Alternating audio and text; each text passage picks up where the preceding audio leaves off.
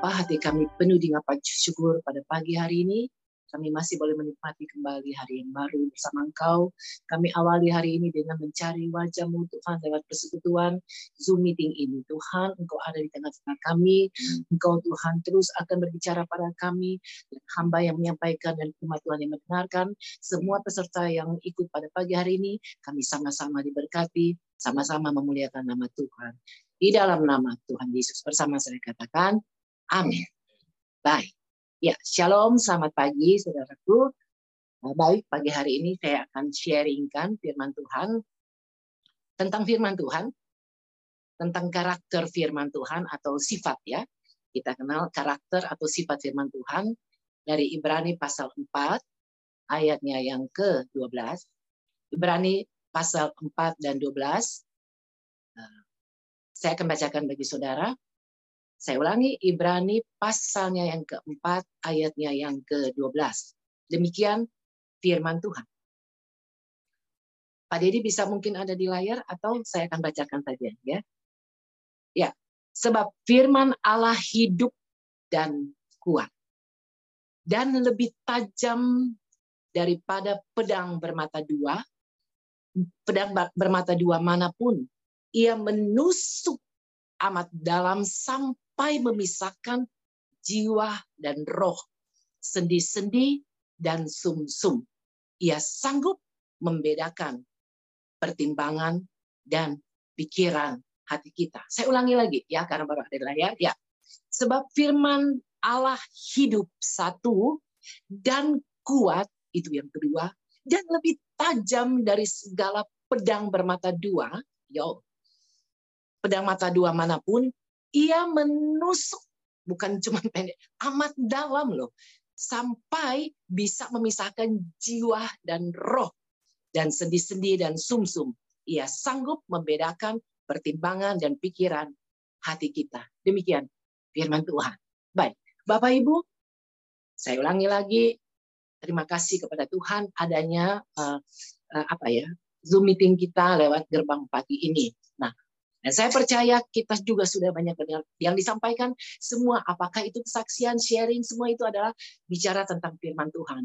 Tapi pagi hari ini eh, Roh Kudus hanya menegaskan kepada kita, saya dan saudara, tentang sifat-sifat dari atau karakter dari firman Tuhan. Ingat, firman yang kita sudah dengar dari hamba-hamba Tuhan, rekan-rekan pelayan Tuhan, atau siapa pun yang kita sudah dengar khususnya di gerbang pagi ini, lewat pastoral, lewat saya, lewat teman-teman, rekan sekerja, para dia, dia akan semuanya, kita sudah dengarkan, dengar, eh, ingat bahwa firman Allah yang kita sudah dengarkan itu itu adalah sifatnya kuat dan lebih hidup dan kuat. Itu aja dulu, hidup dan kuat. Jadi nggak bisa sembarangan. Apa yang kita sudah dengarkan sudah berapa lama kita dalam gerbang pagi hari ini. Berarti kita sedang menerima sesuatu yang bukan abal-abal. Firman yang kita sudah dengarkan siapa pun yang mengeluarkan, siapa pun yang menyampaikan itu, itu sifatnya ya, firman itu adalah hidup dan kuat bahkan tajam ketajamannya lebih tajam dari pedang bermata dua. Saudara tahu pedang bermata dua itu um, umpamanya uh, pedang bermata dua itu firman Tuhan ini katakan dia menyelamatkan tapi juga mengandung hukuman. Menyelamatkan orang yang mendengarkan maupun yang menyampaikan dan juga menghukum yang mendengar maupun yang menyampaikan. Sama-sama kita semua terkena dampaknya. Dan bahkan saking kuat tajamnya dia sanggup memisahkan sumsum -sum dan sendi-sendi roh dan jiwa. Saudara tahu jiwa dan roh itu betapa lengketnya itu nggak bisa. Tetapi firman Allah sanggup loh memisahkan.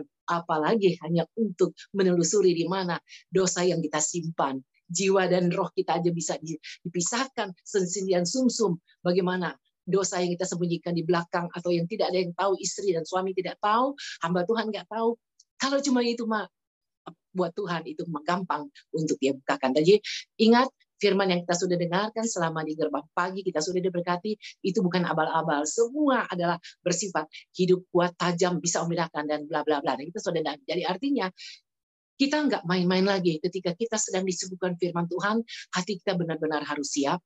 Kita mempersiapkan diri di hadapan Tuhan karena kita sedang dilawat Tuhan lewat firman Tuhan yang hidup dan kuat. Dan satu lagi saya akan bacakan uh, sifat uh, apa maksud firman Tuhan itu bagi kita sudah nggak nggak nggak uh, asing lagi dua Timotius pasalnya yang ketiga 2 Timotius pasal yang ketiga ayat yang ke-16. 2 Timotius 3 ayatnya yang ke-16. Demikian firman Tuhan. Segala sesuatu ayat ayatnya yang ke sorry 2 eh, Timotius 3 ayatnya yang ke-16. Ya. Oke, okay. 2 Timotius 3 ayat yang ke-16 demikian firman Tuhan. Segala tulisan yang diilhamkan Allah memang bermanfaat. Coba saudara hitung. Satu, untuk mengajar, katakan amin. Dua, untuk menyatakan kesalahan, come on. Dan ketiga, untuk memperbaiki kelakuan. Dan keempat, untuk mendidik orang dalam kebenaran. Kita stay di sini aja dulu. Kita sudah dengarkan tadi. Tapi sekarang kita di ayat yang ke-16 ini. Jadi tujuan tulisan firman Allah yang kita dengarkan setiap Zoom meeting ataupun lewat YouTube atau apa pun, firman Allah mengingatkan saudara dan saudara saya, dengarkan. Saya persembahkan khususnya buat suamiku, diriku, dan buat saudara yang mendengarkan. Firman Allah kita dengarkan itu manfaatnya apa sih? Itu bukan untuk bukan untuk gaya-gayaan saya mau sampaikan, gaya-gayaan saudara ikut firman Tuhan, tapi ingat, satu, untuk mengajar, untuk mengajar. Jadi saudara, kalau saya ambil, saya korobakan, kalau saudara nggak mau diajar, ya jangan dengar dong firman Tuhan. Ya, ya udah, tutup saja Alkitab itu dan kita nggak perlu lagi dengar khotbah-khotbah, nggak perlu lagi dengar pengajaran. Karena firman Tuhan sifatnya satu untuk mengajar. Jadi kalau nggak pengen diajar, nggak usah lagi dengar firman Tuhan, nggak usah ikut lagi Zoom meeting. Katakan amin. Oke, okay? ini firman Allah yang katakan. Dan yang kedua, firman Allah bermanfaat untuk mengajar tadi. Dan kedua, untuk ini yang kita nggak suka dengar, untuk menyatakan kesalahan, bro. Kesalahanku, kesalahan suamiku. Jadi kalau aku dan suamiku nggak kepengen dinyatakan kesalahan kita, ya janganlah dengar firman Tuhan. Ya udah tutup aja Alkitab. Wong memang firman Tuhan itu gunanya untuk menyatakan kesalahan kita kok. Katakan amin, amin, amin. Haleluya, ada amin dan amin. Jadi firman Tuhan itu sifatnya itu menyatakan kesalahan kita untuk mengajar kita. Jadi saya ber, saya berpikir yang gampang aja. Ya kalau nggak pengen diajar, nggak pengen menyatakan kesalahan ya sudah, nggak usah dengerin khotbah. Tapi sepanjang kita putuskan untuk diingin dengar firman Tuhan, memang itu untuk mengajarmu sayang dan untuk menyatakan kesalahanmu dan jangan marah. Memang itu sifat dan manfaat firman Tuhan dan seterusnya untuk memperbaiki kelakuan bro, jadi kalau suamiku atau diriku nggak ingin diperbaiki kelakuan, nggak usah aja dengar firman Tuhan. Dan orang yang menyampaikan juga ada capek-capek sampai berbusa-busa. Uang kitanya nggak kepengen berubah kok. Kita nggak kepengen kelakuan kita berubah. Saya, saya mau katakan firman Tuhan nanti saya saya sampaikan nanti dalam penutup nanti kepada siapa sih firman Tuhan ini? Ini, bukan untuk PDBM, PDT, S3, bukan untuk untuk jemaat, untuk semua kita. Ya, oke. Okay? Jadi firman Tuhan katakan untuk memperbaiki kelakuan, ya, untuk memperbaiki kelakuan. Jadi saya selalu ngambil gini. Kalau diriku, suamiku, anakku nggak pengen dirubah kelakuannya, lah kenapa dengar firman Tuhan dong? Tutup aja. Firman Tuhan nggak usah dengar. Wah nggak mau diperbaiki kelakuan, nggak mau dikasih tahu lagi kesalahannya. Oke, okay? jadi ini firman Tuhan yang katakan loh ya, bukan saya. Dan untuk mendidik orang dalam kebenaran. Oke, jadi kalau saya ingin dididik dalam seluruh kebenaran, memang kamusnya uh, uh, memang hanya ada dalam firman Tuhan. Memang hanya itu kata kuncinya, hanya dalam firman Tuhan. Kalau saya ingin dididik dalam kebenaran. Dengan demikian tiap-tiap manusia kepunyaan Allah diperlengkapi untuk setiap perbuatan baik. Oke, nah kita berangkat dari sini tadi. Jadi kita sudah dengarkan saudaraku, Rurses, opa oma, tante om, dan kita hamba-hamba Tuhan selama kita ada di gerbang pagi, kita dengarkan firman Tuhan itu bukan main-main loh. Itu hidup dan kuat, tajam, lebih tajam dari pedang bermata dua.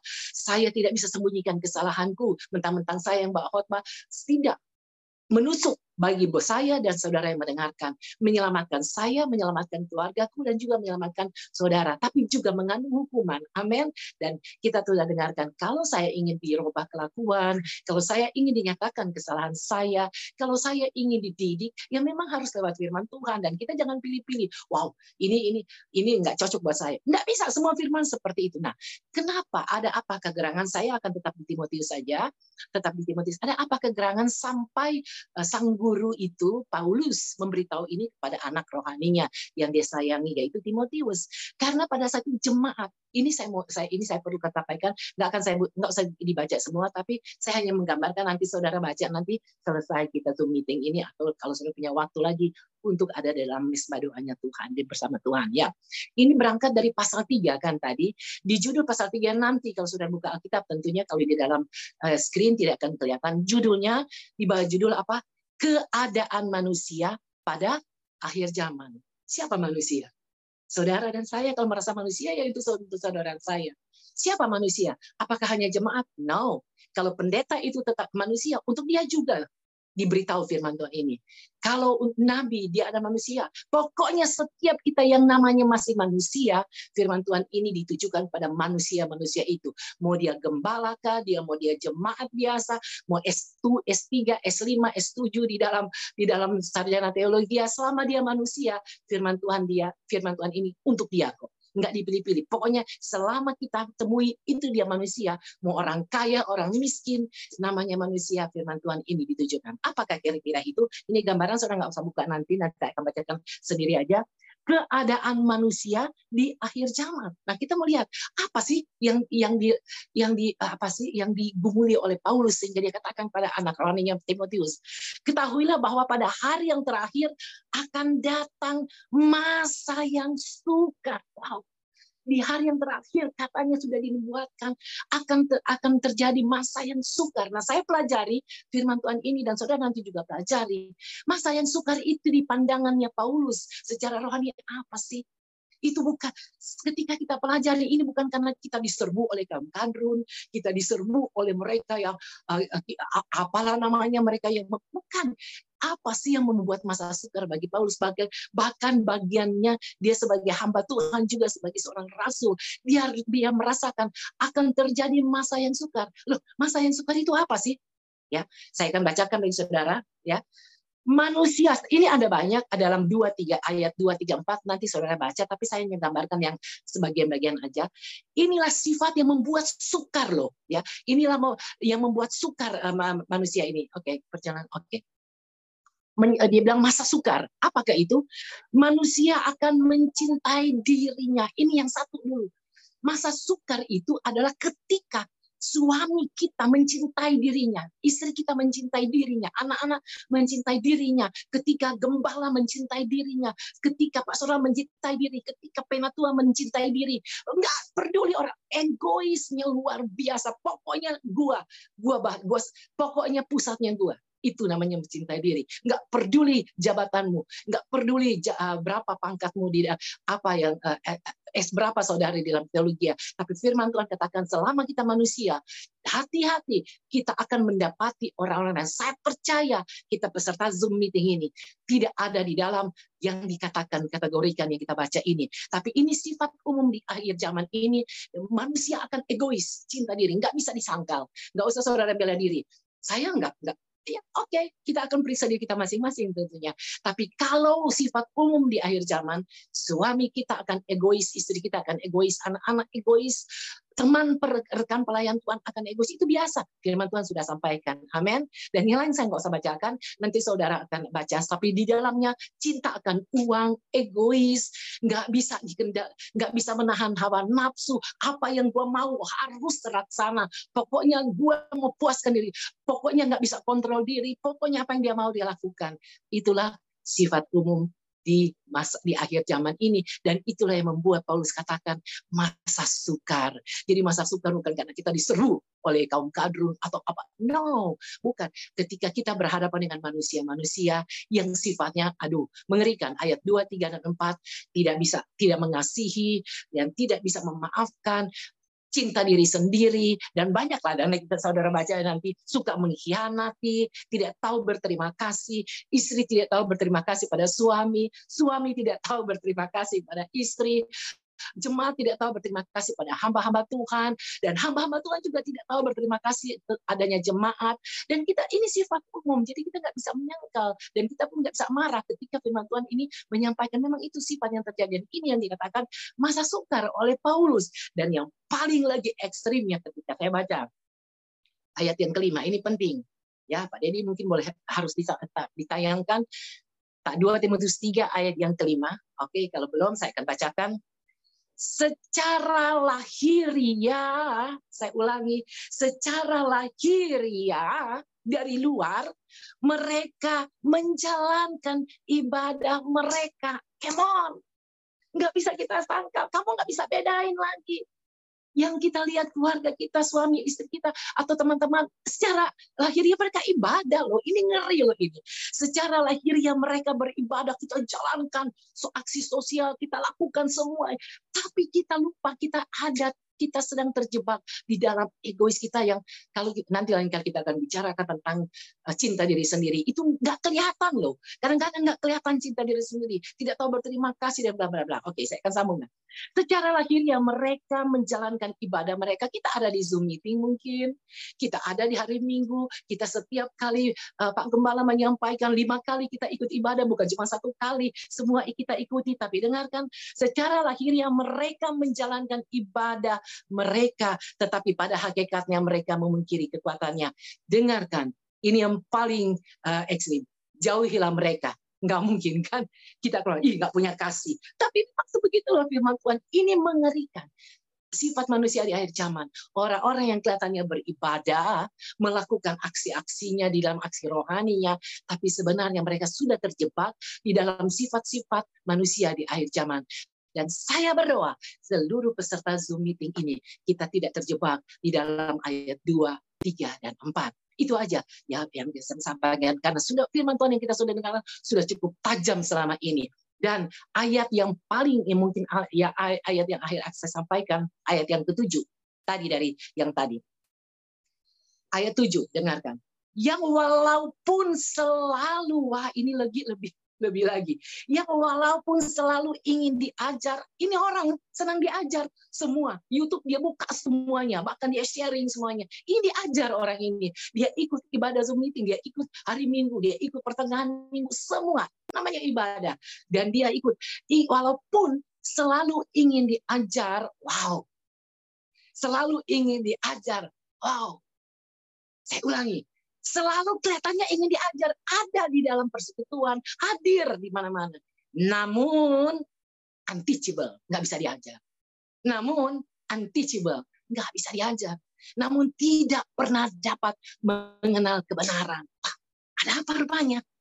Ada apa rupanya? Selalu ingin diajar, tapi nggak bisa diajar orang ini. Kalau kita istilahnya orang Betawi bilang untouchable, nggak bisa diajar orang ini dengar khotbahnya eh, sudah sampai berbusa-busa pastoral, sudah berbusa-busa pak gembala, berbusa-busa kita dengarkan, tetapi orang tidak ada nggak mengenal kebenaran. Why? Memang teachable ya orang Betawi bilang. Nggak bisa diajar, tapi senang dengar firman Tuhan.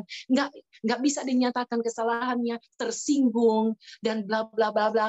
Diberikan nasihat, cuma diberikan masuk marah. Duh, saya katakan, wow ini juga yang Paulus katakan ya. Ini yang Paulus katakan, inilah sifat manusia. Selama kita manusia, kita berhati-hati.